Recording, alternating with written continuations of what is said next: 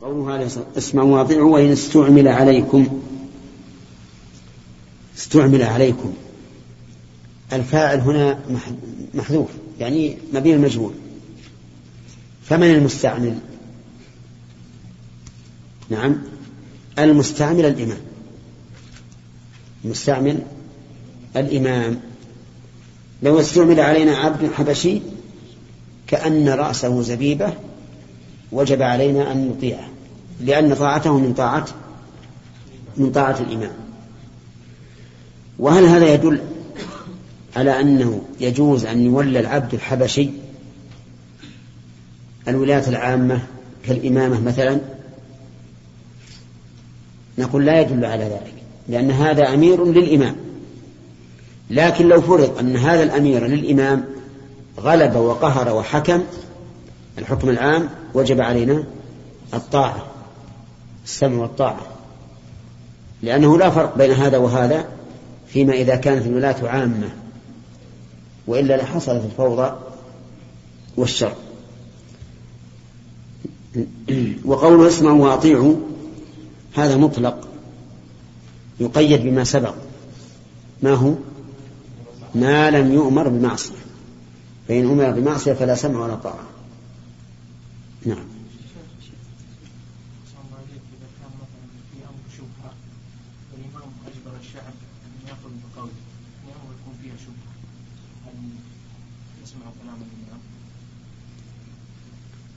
يعني إذا اختلف رأي الإمام ورأي الناس هم يرون أنه حرام وهو يرى أنه جائز.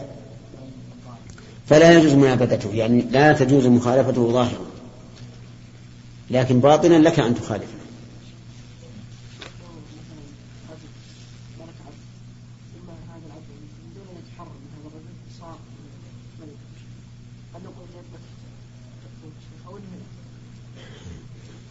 إذا ملك هذا العبد ما هو ما هو سألنا عن عن سيده ولا شيء؟ سيجلد سيده جلد العبد. لا يبقى على ربه. كيف؟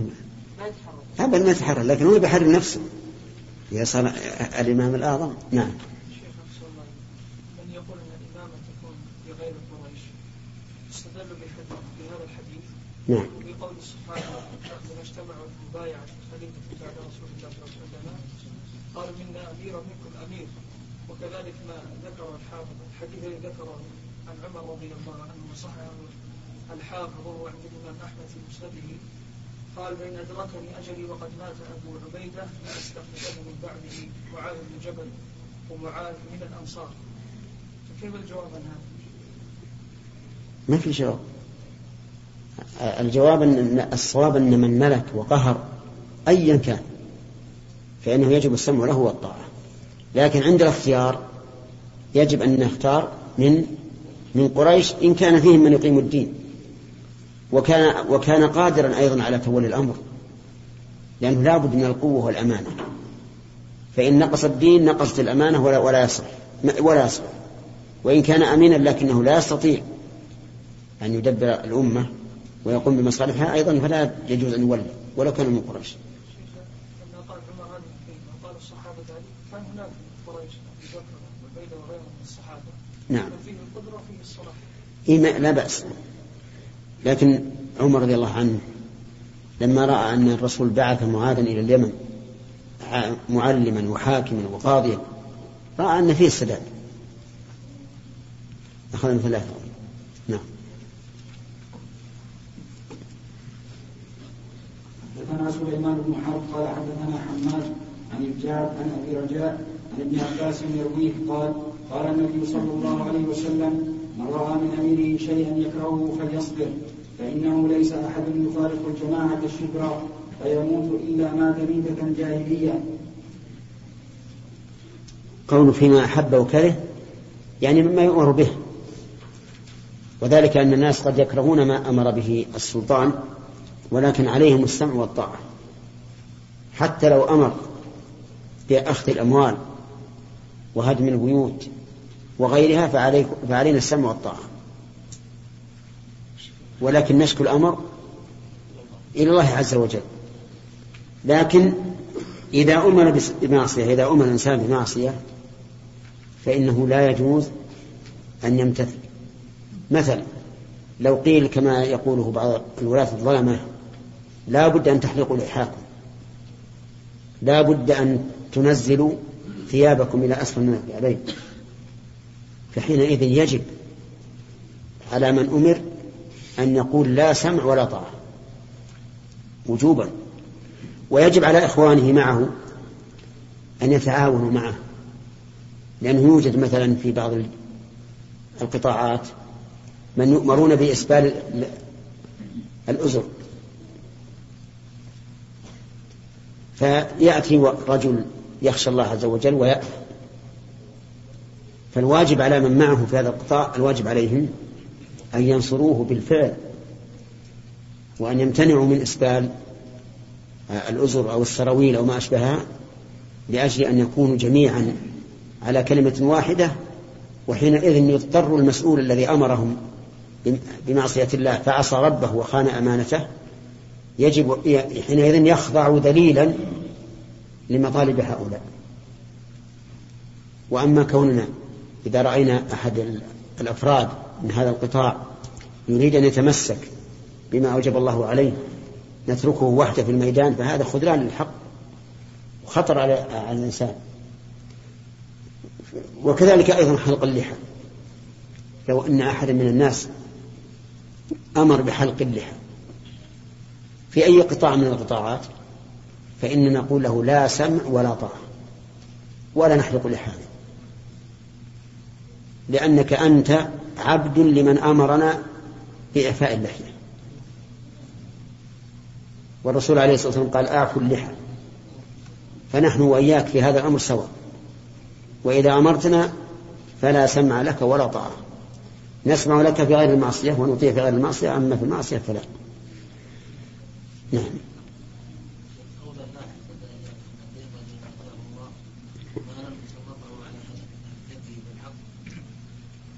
يعني لو مات وبقي من مات أي مو بالمعنى انه أهلك. لا مو بهلك كل المال. هلكت يعني هلكت ما ينفق منه. إيه مو ابدا ما ما تقتضي الحال. كل ما راى حقا وهو قادر بذله لا ما له نسبة ولا نعم كان طالب علم في قرية وكان يحكم هذه الدولة حاكم ضال وأمر بحلق اللحية وهذا طالب علم متمسك بهذه القرية. فينظر إلى المصلحة وإلى المفسدة فإنما يحلق لحيته لأنه لو أخذوه في الدولة. التسجن وتعذبوا ويصبح الجهال في القرية هذه يكون على جهل. ولكن لما ينظر إلى المصلحة والمفسدة فإنه يحلق لحيته لأجل مصلحة الناس. وش المصلحة؟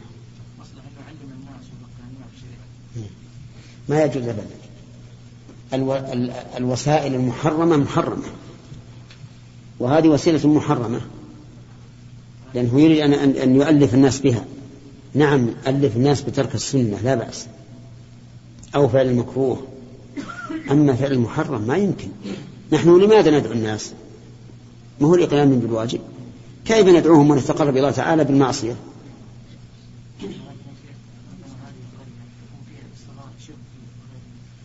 ما يخالف. ولو كان فيها شرك. وش يضرهم إذا أمرتهم بالتوحيد وعليه لحية وش يضرهم؟ نعم. إيش؟ إيه. يسجنه؟ لا تفكر إن الإنسان سجن من أجل طاعته إلا أن الله يجعل له الذكرى الطيبة وتأتلف القلوب عليه أكثر. أبدا لا ما نرخص لأحد يدعو الناس بالمعصية اطلاقا. اللحية سنة يا شيخ وهذا واجب ما هو؟ ها؟ اللحية سنة واجب إيه. إيه هو إذا قال إذا كان يعتقد أن اعفاء اللحيه سنة تجميلية هذا مثل اللي أحد الجرايد الأيام عندنا قالت إن اللحيه إنها إيش؟ الموضة الجديدة ها؟ مظهر حضاري نعم أحسن الله إليكم هل يولى غير قبل ولاية عامة على سبيل الاختيار؟ لا. لا ما صحيح. إي نعم. لكن إذا إذا قهر وتولى بالسيف والقوة فإنه لا تجوز لا منازعته. تجد هل في دليل من كتاب السنة على هذا؟ إيه نعم. الخروج على الإمام. لا لا لا. يعني على أنه ما يولى غير قبل. ما دام ال- ال- الحديث بعد من قريش. العرب. العرب ما يمكن تدل العرب لإنسان غير لأن القبلي معناها اللي من, من العرب. وغير القبلي ليس من العرب. ما الناس. هو هذه ما تخضع الناس ما تخضع الناس أخذنا ثلاثة. نعم. حدثنا مسدد قال حدثنا يحيى بن سعيد عن عبد الله قال حدثني نافع عن عبد الله رضي الله عنه. قرأ- قرأنا قرأنا؟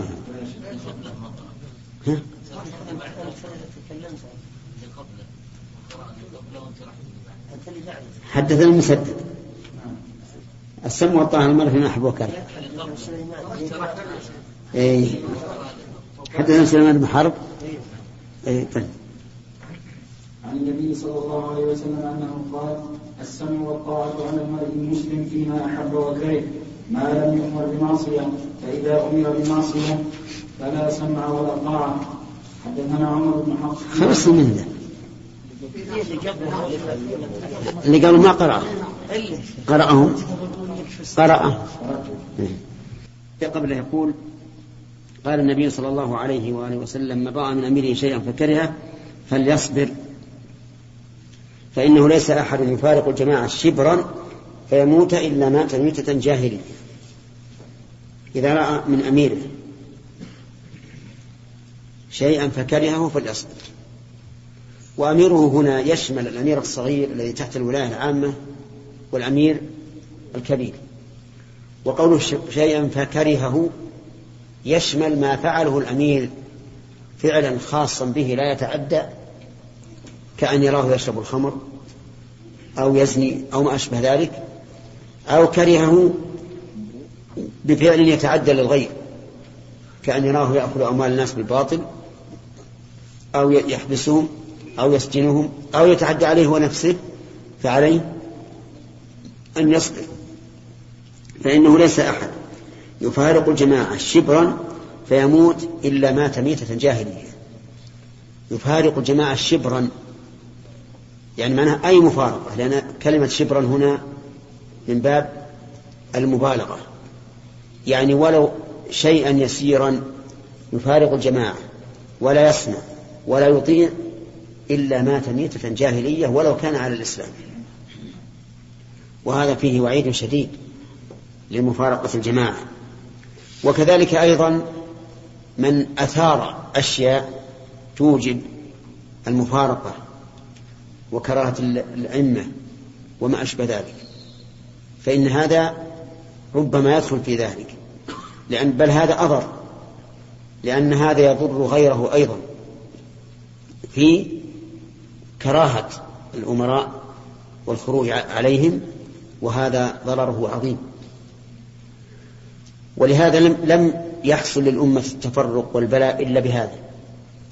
تألبوا على خلفائهم كعلى عثمان, عثمان رضي الله عنه وحصلت الفتنة الكبرى التي انكسر فيها الباب ولم يقوم بعد. كل هذا يدل على أهمية طاعة ولاة الأمور حتى وإن كرهنا ما يعملون بنا أو بغيرنا أو ما يعملونه مع الله. ف وموقفنا في مثل هذه الأمور أن نسأل الله لهم الهداية وألا ننابذهم ولكن نناصحهم نناصحهم بما نستطيع سواء سرا بكتابة أو سرا بمشافهة أو بواسطة أحد هذا هو الواجب علينا من فارق جماعة شبرا ويموت فموته كميت الجاهلية. نعم. هذه تشبيه تشبيه بالكفر ولا تشبيه بشيء آخر؟ لا الظاهر أنه لا لا, لا يصل إلى حد الكفر. لا يصل إلى حد الكفر. لكنه تشبيه بأن لأنه في الجاهلية ما لهم قائد. في الجاهلية ما لهم قائد شرعي وإن كان لهم زعماء ورؤساء لكنهم متفرقون. نعم. اشتهرت بعض الطوائف فقال يقال أن هذه الأحاديث التي في النهي عن الخروج على الحكام مقيدة بمسألة وهي اشتهرت كثيرا ما الشرك السياسي أو ما يعبرون عنه عن مسألة الحاكمية فما رأيكم بهذا التقييد هذا الاجتهاد رأيي في هذا الاجتهاد أن نصوص القرآن والسنة واضحة. واضحة. يا أيها الذين آمنوا أطيعوا الله وأطيعوا الرسول وأولي الأمر منكم. والأحاديث كما كما رأيت. فما هو الداعي لتحريفها إلى هذا المعنى الذي ذكرت؟ إلا أنه هوى. وكل الذين خرجوا على عثمان وعلى من بعده أيضا كلهم يقولون هكذا. إن الحكم إلا لله لماذا تحكمون الرجال؟ لماذا تفعلون؟ نعم هذا الحديث انه الذي يخرج عن طاعه امامه انه يموت ميته جاهليه. نعم من فارق الجماعة. فارق الجماعه. نعم. في بعض مثلا بعض الأماكن انهم يحكمون بغير ما أنزل الله يعني لو لو مثلا لو هذا أطاعهم فأطاعهم في غير يعني أطاعهم في معصية الله. ولو أطاعهم في غير معصية الله يدخلون تحت قول قول الله سبحانه وتعالى في فرعون يقدم قومه يوم القيامة فأوردهم النار فبئس الورد المولود فهنا الآن لو نقول لو ما أطاعهم تقول يكون خرج من الجماعة فيكون مات ميتة الجاهلية. ولو أطاعهم يدخل تحت هذا تحت هذه الآية. ماذا يكون؟ لا هو ما في حيرة. هذه الطاعة مقيدة بما سبق ما لم يكن بمعصية. لو أنهم أمروه أن يحكم بالقانون المخالف للشر ما يطيعه. هذا لا يطيع.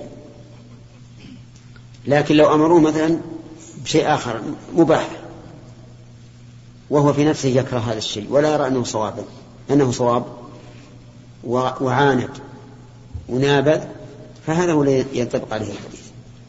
أما أن يؤمر بمعصية أو بكفر هذا ما يجوز يطيع. وليس هذا من الخروج على الإمام نعم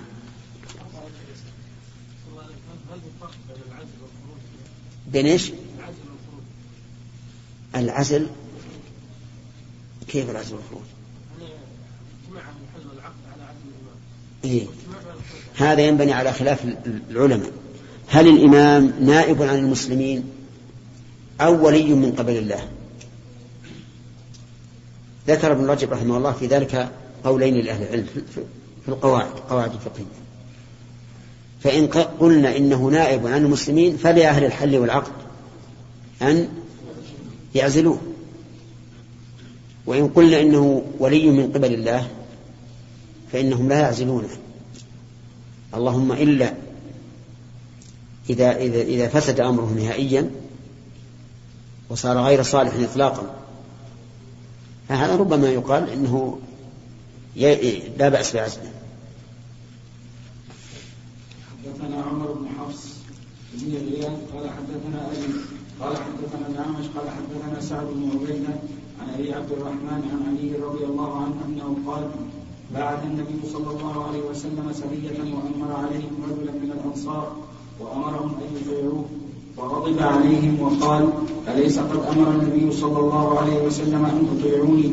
قالوا بلى.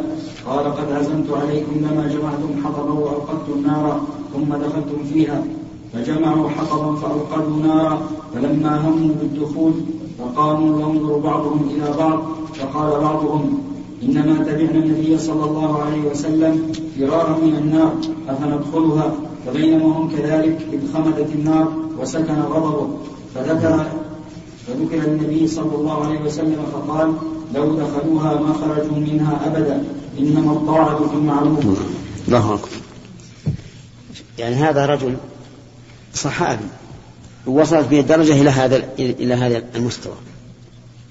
لأن النفس ولا سيما نفس الأمير ومن يرى نفسه أنه أرفع ممن تحته ما تتحمل الصبر على مثل هذا. هو أمرهم أن يطيعوه. غضب عليهم الرجل.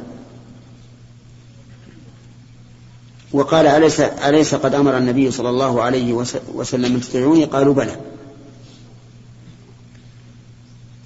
قال عزمت عليكم لما جمعتم يعني إلا جمعتم حطبا وأوقدتم نارا ثم دخلتم فيها ثلاث ثلاثة أوامر.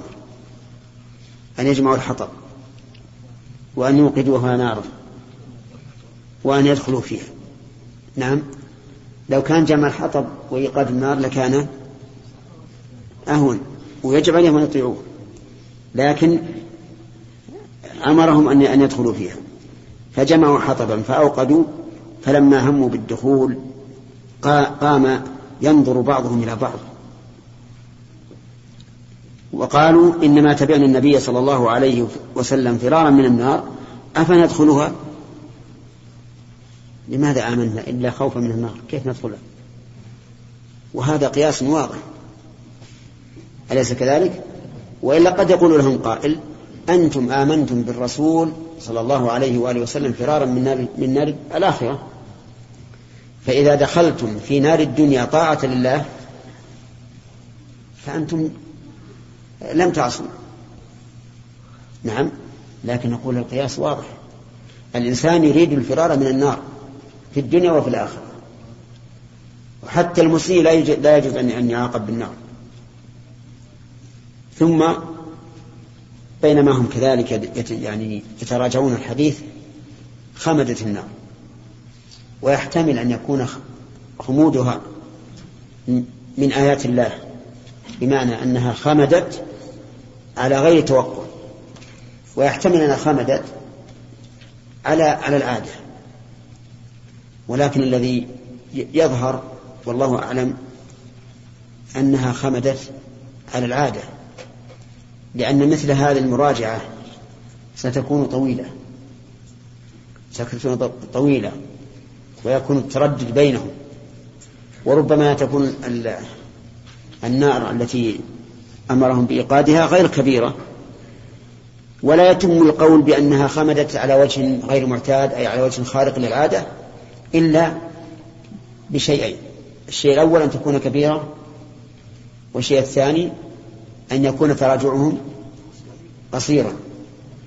فإن ثبت هذا فالله على كل شيء قدير. وإلا في الأصل أن الأمور تجري على على ما كان في العادة. أما سكن غضبه فهذا قد يكون في زمن قصير. لأن الناس بالنسبة للغضب أربعة أقسام كما قسمهم النبي صلى الله عليه وآله وسلم. سريع الغضب سريع الفيئة. بطيء الغضب بطيء الفيئة. سريع الغضب سريع الفيئة. نعم؟ بطيء الفيئة. الرابع بطيء الغضب سريع الفيئة. أحسنهم بطيء الغضب سريع الفيئة. فهذا هذا الرجل لعله من الذين أسرعوا الفيئة أو أبطأوا. المهم أنه سكن غضبه فذكر ذلك فذكر للنبي صلى الله عليه وآله وسلم فقال لو دخلوها ما خرجوا منها أبدا. صارت نار متصلة بنار الآخرة نعوذ بالله. إنما الطاعة في المعروف. المعروف هنا ضد المنكر. أما المنكر فلا طاعة فيه. نعم.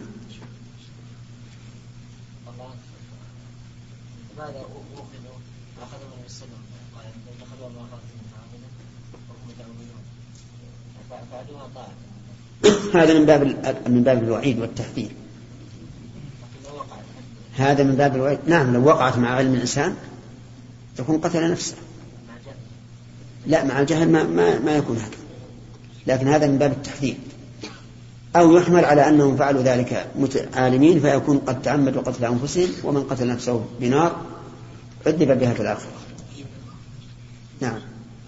ذكر المنكرات العامة التي فشت بين المسلمين هل يكون هذا من التحريض من التحريض مع ان النبي صلى الله عليه وسلم قال من انكر فقد برئ ومن كره فقد سلم ولكن من رضي وتاب نعم. فقسم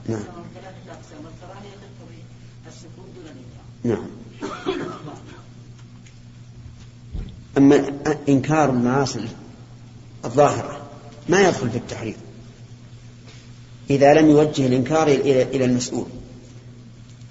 يعني بأن يقول كثرت فينا مثلا كذا كثر الربا كثر المجون كثرت المعازف ويحذر الشعب من هذا ما في شيء. ولا يقال إن هذا من باب التحريض على ولاة الأمور. أما لو قال فلان فتح الباب على مصراعيه في كذا وفي كذا وفي كذا هذا تحريض. نعم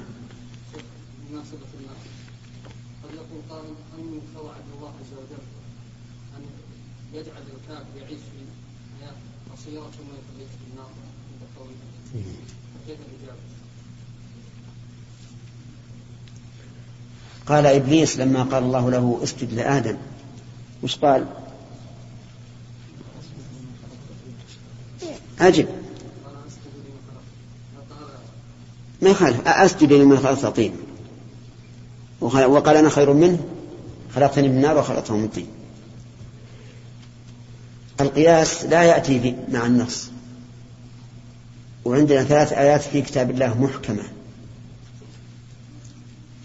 على أن أن النار مؤبدة وأن أهلها خالدون فيها أبدا وإذا كان لا قياس مع النص في المسائل الحكمية العملية فكيف في المسائل الخبرية العلمية أتحفظ الآيات؟ إيه؟ ما تحفظها في سورة النساء إن الذين كفروا وظلموا لم يكن الله ليغفر لهم ولا يهديهم طريقا إلا طريق جهنم خالدين فيها أبدا. وكان ذلك على الله يسيرا. وفي سورة الأحزاب إن الله لعن الكافرين وأعد لهم سعيرا خالدين فيها أبدا. لا يجدون وليا ولا نصيرا. وفي سورة الجن ومن يصل الله ورسوله فإن له نار جهنم خالدين فيها أبدا. أبلغك؟ أؤمن به إن شاء الله ولا ولا تلتفت. فيقال هذا الرجل أمضى حياته الدنيا بالكفر مع علمه. فتكون حياته الأخرى كذلك خاسرا فيها. حياة بحياة. وحياته الدنيا التي أمضاها إلى إلى أن خرجت روحه حياة كاملة لكن لها منتهى. حياة الآخرة كاملة لكن ليس لها منتهى. أبدية. نعم. سليم. سليم. الرابع. ما يخالف آه، النادر لا حكم له. يلا يا سليم. لا لا حكم فيها غير الله سبحانه من الرسل ولا من لا ما يعذب به إلا الله. وهذا وهذا معصية النار كل أحد جاي من دون الله. اي ما فهمت يعني. أقول أقول أحد يحل يحل يعذب بالنار غير الله سبحانه. لا ما يعذب بالنار إلا الله. طيب.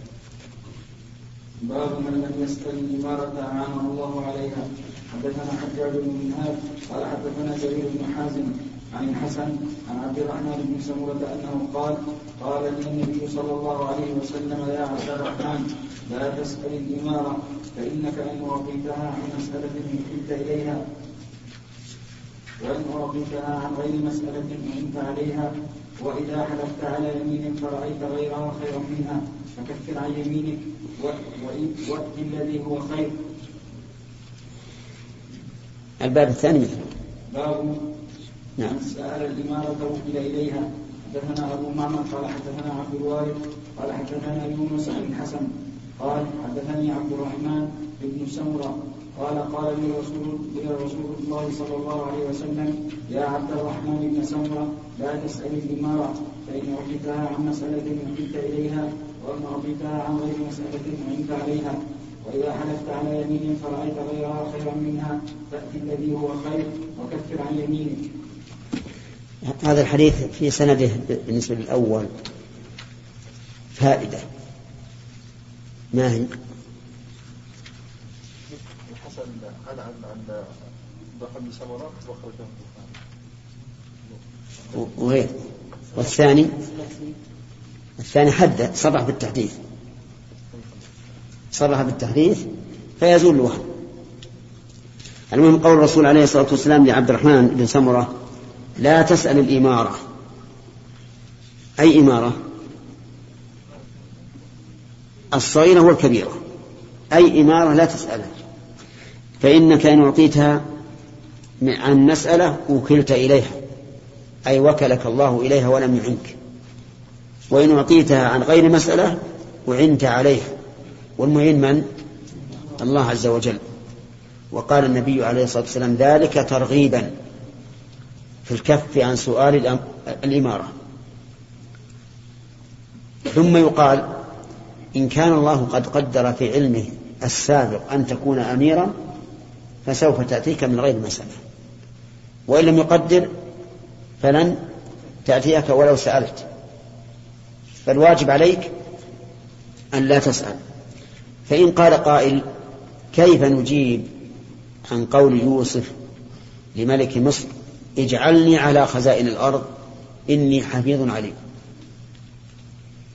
فالجواب عن هذا أن يقال إن يوسف سأل أن يجعله على خزائن الأرض يعني بمنزلة وزير المالية لا على الملك كله لكن الملك بعد أن رأى أنه أهل جعله ملكا. وإلا كان في الأول إنما طلب أن يجعله على خزائن الأرض فقط فلا منافاة.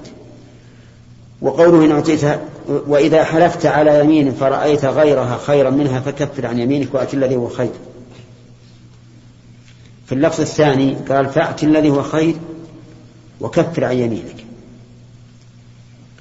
وهذا فيما يظهر من تصرف الرواة لأن الحديث واحد والنبي صلى الله عليه وآله وسلم لا يمكن أن يكرر لفظين في آن واحد مختلفين.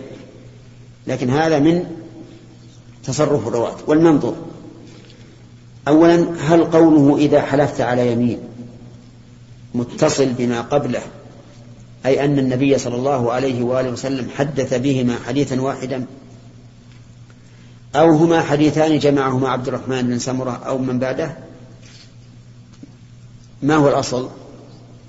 الأصل أنهما حديث واحد. هذا الأصل. لأن الواو للعطف والمعطوف معطوف على ما قبله. لا في حديث مستقل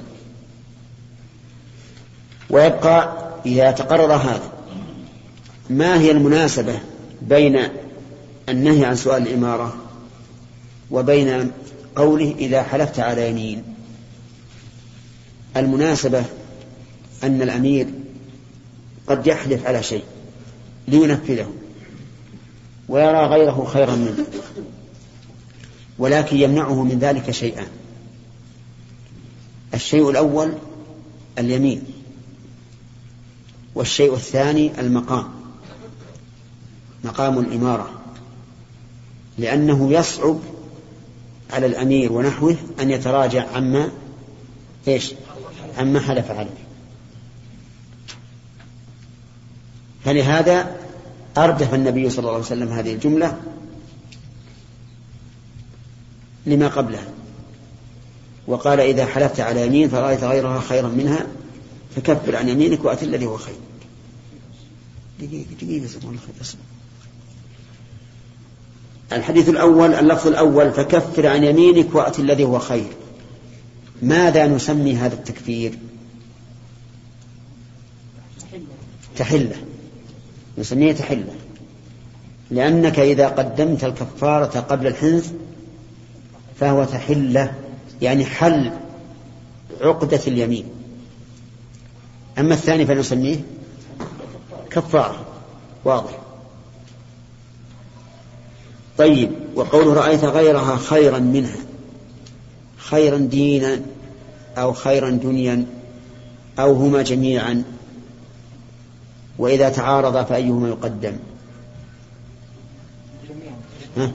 جميعا يشمل. وإذا تعارضا قدم الخير الديني يقدم الخير الديني مثال ذلك حلف رجل قال والله لا أدخل بيت فلان لقريب له. فهنا هل الخير أن يكفر عن يمينه ويدخل أو أن يحفظ يمينه؟ الأول. صلى الله وسلم على نبينا محمد وعلى آله وصحبه أجمعين. قال البخاري رحمه الله تعالى باب ما يكره من الحرص على الإمارة. حدثنا أحمد بن يونس قال حدثنا ابن أبي ذئب عن سعيد المقبوري عن أبي هريرة عن النبي صلى الله عليه وسلم أنه قال إنكم ستحرصون على الإمارة وستكون ندامة يوم القيامة فنعم المرضعة وبئست الفاطمة. قال محمد بن بشار حدثنا عبد الله بن حمران قال حدثنا عبد الحميد بن جعفر عن سعيد المقبوري عن عمر بن الحكم عن أبي هريرة قوله. طيب. في هذا التحذير بسم الله الرحمن الرحيم التحذير من سؤال الإمارة وأن الإنسان يحرص عليها ولكنها كما قال الرسول عليه الصلاة والسلام ستكون ندامة يوم القيامة. ستكون ندامة لمن سألها. لأن من سألها في الغالب إنما يريد الإمرة والسلطة وحينئذ لا يراعي العدل فيكون نادما. ثم قال نعم المرضعة وبئست الفاطمة. يعني معناها أنها كالمرأة التي ترضع ولكنها تسيء الفطام لأن آخرها ندم وحسرة. نسأل الله العافية.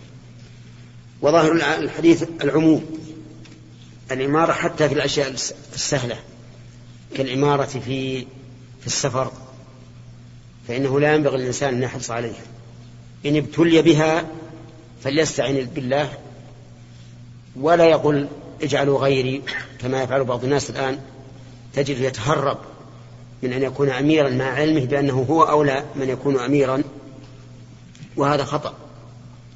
إذا قال لك صاحبك أنت أميرنا وأنت أهل لذلك فاستعن بالله واقبل. لكن أن تحرص عليها وتستشرف لها فإن هذا لا, لا ينبغي منك. نعم.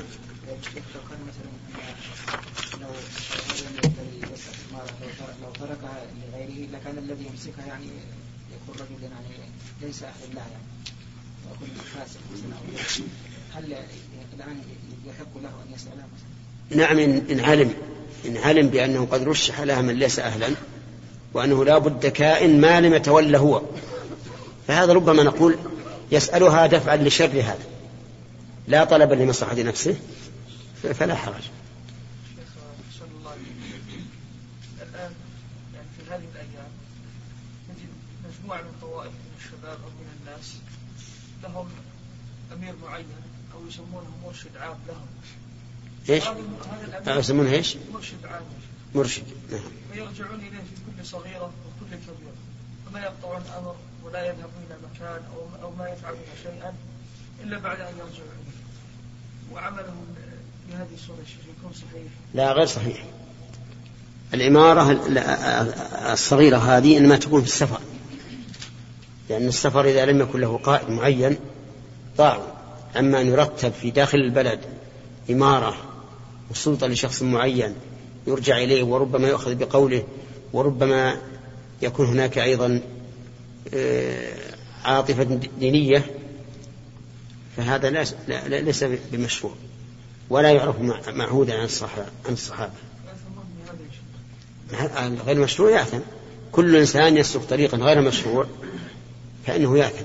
وربما يكون هذا الرجل في يوم من الأيام منحرفا. فينهاهم عن طاعة ولاة الأمور مثلا نعم. هنا ذكر نعم. المرضعة وبئس الإبقاء نعم مخصوص مخصوص بالمدح ضمير مستتر يعني هو هي هي. هي. هي ولا هو نعم. هو ولا هي يعني فنعم المرضعة نعم على أول نعم. فنعم المرضعة هي. مع مع فاطمة ولا ما جاء مع المربعة إيه؟ يجوز يجوز. أصلا نعمة يجوز تأنيثها وتذكيرها. نعم. اي نعم. جاء- جاءت مذكرة. فنعم الفاطمة هي. نعم. حدثنا محمد بن العلاء قال حدثنا أبو أسامة عن بريد عن أبي بردة عن أبي موسى رضي الله عنه أنه قال دخلت على النبي صلى الله عليه وسلم أنا ورجلان من قومي فقال أحد الرجلين أمرنا يا رسول الله. وقال الآخر مثله. فقال إنا لا نولي هذا من سأله ولا من حرص عليه. نعم. رحمك الله. إنما قال النبي عليه الصلاة والسلام هذا لأنه سبق أن من سأل الإمارة فإنه إيش؟ يوكل إليها. وإذا وكل إليها ولم يكن له من الله عون فإنه يضيع. ولهذا قال لا, لا نولي هذا من سأله. ولكن قد جاء في قصة عثمان بن أبي العاص رضي الله عنه أن النبي صلى الله عليه وسلم أنه طلب من الرسول عليه الصلاة والسلام أن يكون إمام قومه فقال أنت إمام. فيقال المسائل الدينية والإمامة الدينية لا تدخل في هذا. بخلاف الإمارة لأن الإمارة سلطة وتنفيذ فليست كالمسائل آه، الدينية. نعم. شيخ الآن الجاري في الدوائر الحكومية وبعض الجهات الرسمية. في بعض الوظائف الشاغلة يكون مسؤول أو مدير أو كذا. فما يعطى ما يختار لها؟ إنما يشترط فيها أن تقدم مجموعة من الناس ثم يختار. هذا يكون طلب شيخ الإمارة. يقولون في هذا السؤال؟ طيب هذا ليس سؤالا لكن هذا بيان أني ممن تنطبق عليه الشروط. السؤال يقول يقدم وظيفة وظيفة الحكومة إمارة أو إدارة أو وزارة أو أي شيء. فيتقدم ناس للترشيح لها نقول هذا ليس من باب السؤال. نظيره لو مثلا قالت الحكومة أنا عندي مثلا كتب أوزعها أو صدقات أوزعها. معلوم أن أن الرسول قال ما جاءك من هذا المال وأنت غير مشرك ولا سائل فخذه فهل إذا قدم الإنسان نفسه يعتبر سائلا؟ أو نقول إن هذا من باب الإخبار لأن الحكومة لا مثلا لا تدري عن كل أحد. فهذا من باب من باب بيان الحال وليس من باب السؤال. نعم.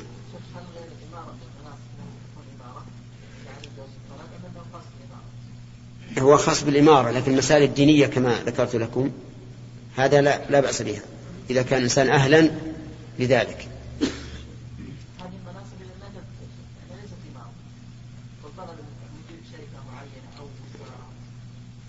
ما أظنها لأن لأن الإمارة سلطة الأمير أكثر. والنفوس إذا أعطت السلطة ربما تظلم. بخلاف مثل هذه الظاهر أنها ما تظلم. ولكن مع ذلك الذي ينبغي لا يسأل عن وكما قلنا لكم بالأمس أن يوسف عليه الصلاة والسلام قال اجعلني على خزائن الأرض إني حفيظ عليم ولم ولم يطلب الملك مثلا أو الإمرة العامة طيب يا شيخ هل تدخل الانتخابات العضوية في مجالس الشعب يعني انتخاب في المجالس الشعبية.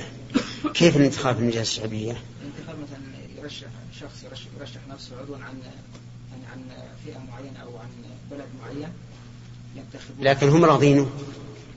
هم يعني مثلا يرشح مثلا اثنان أو ثلاثة يرشح أنفسهم. مثلا هؤلاء يعطوا هذا وهؤلاء يعطوا هذا. لكن هل الناس اللي يرشح أنفسهم يكونوا وليا عليهم؟ هل هم راضي قد راضوه ولا لا؟ الطائفة اللي, اللي أراد أن يكون أميرا لهم. لا مثلا هو يأتي مثلا مرشح يأتي للبلد مثلا ويقول لهم مثلا أنا سأقوم لكم أطالب لكم مثلا بحقوق وكذا وكذا وكذا وكذا. إيه يصيدهم شبكة. وبعد ذلك يأتي مرشح آخر. وهكذا. ثم يعني يكون ويقول أنا أبغى أكثر من ذاك. يكون متنافسون يعني. ثم بعد كذا توضع انتخابات. هذا الظاهر منهم من جنس الإمارة لأن هذا مو مستقل بالتنفيذ. لكن يجب على الإنسان أنه لا يدخل نفسه في مشاكل إلا إذا علم أو إلا إذا خشي أن يدخل الانتخاب من ليس أهلا من ليس أهلا أحمد؟ خلاص. طيب. باب من استرعى رعية فلم ينصح. حدثنا أبو نعيم قال حدثنا أبو الأشهب عن الحسن أن عبيد الله بن زياد عاد معقل بن يسار في مرضه الذي مات فيه فقال له معقل إني محدثك حديثا سمعته من رسول الله صلى الله عليه وسلم. سمعت النبي صلى الله عليه وسلم يقول ما من عبد يسترعيه الله رعية فلم يحطها بنص بنصحه لم يجد رائحة الجنة. أعوذ بالله يعني إحنا فيه اختلاف بالألفاظ عندنا. لكن هذا فيه التحذير ممن استرعاه الله على رعية ولم يحطها بنصيحة أو بنصحه أنه لا يجد رائحة الجنة. وهذه النصيحة أخص من النصيحة العامة التي قال عنها رسول الله صلى الله عليه وآله وسلم الدين النصيحة ثلاثا. قالوا لمن يا رسول الله؟ قال لله ولكتابه ولرسوله ولأئمة المسلمين وعامتهم.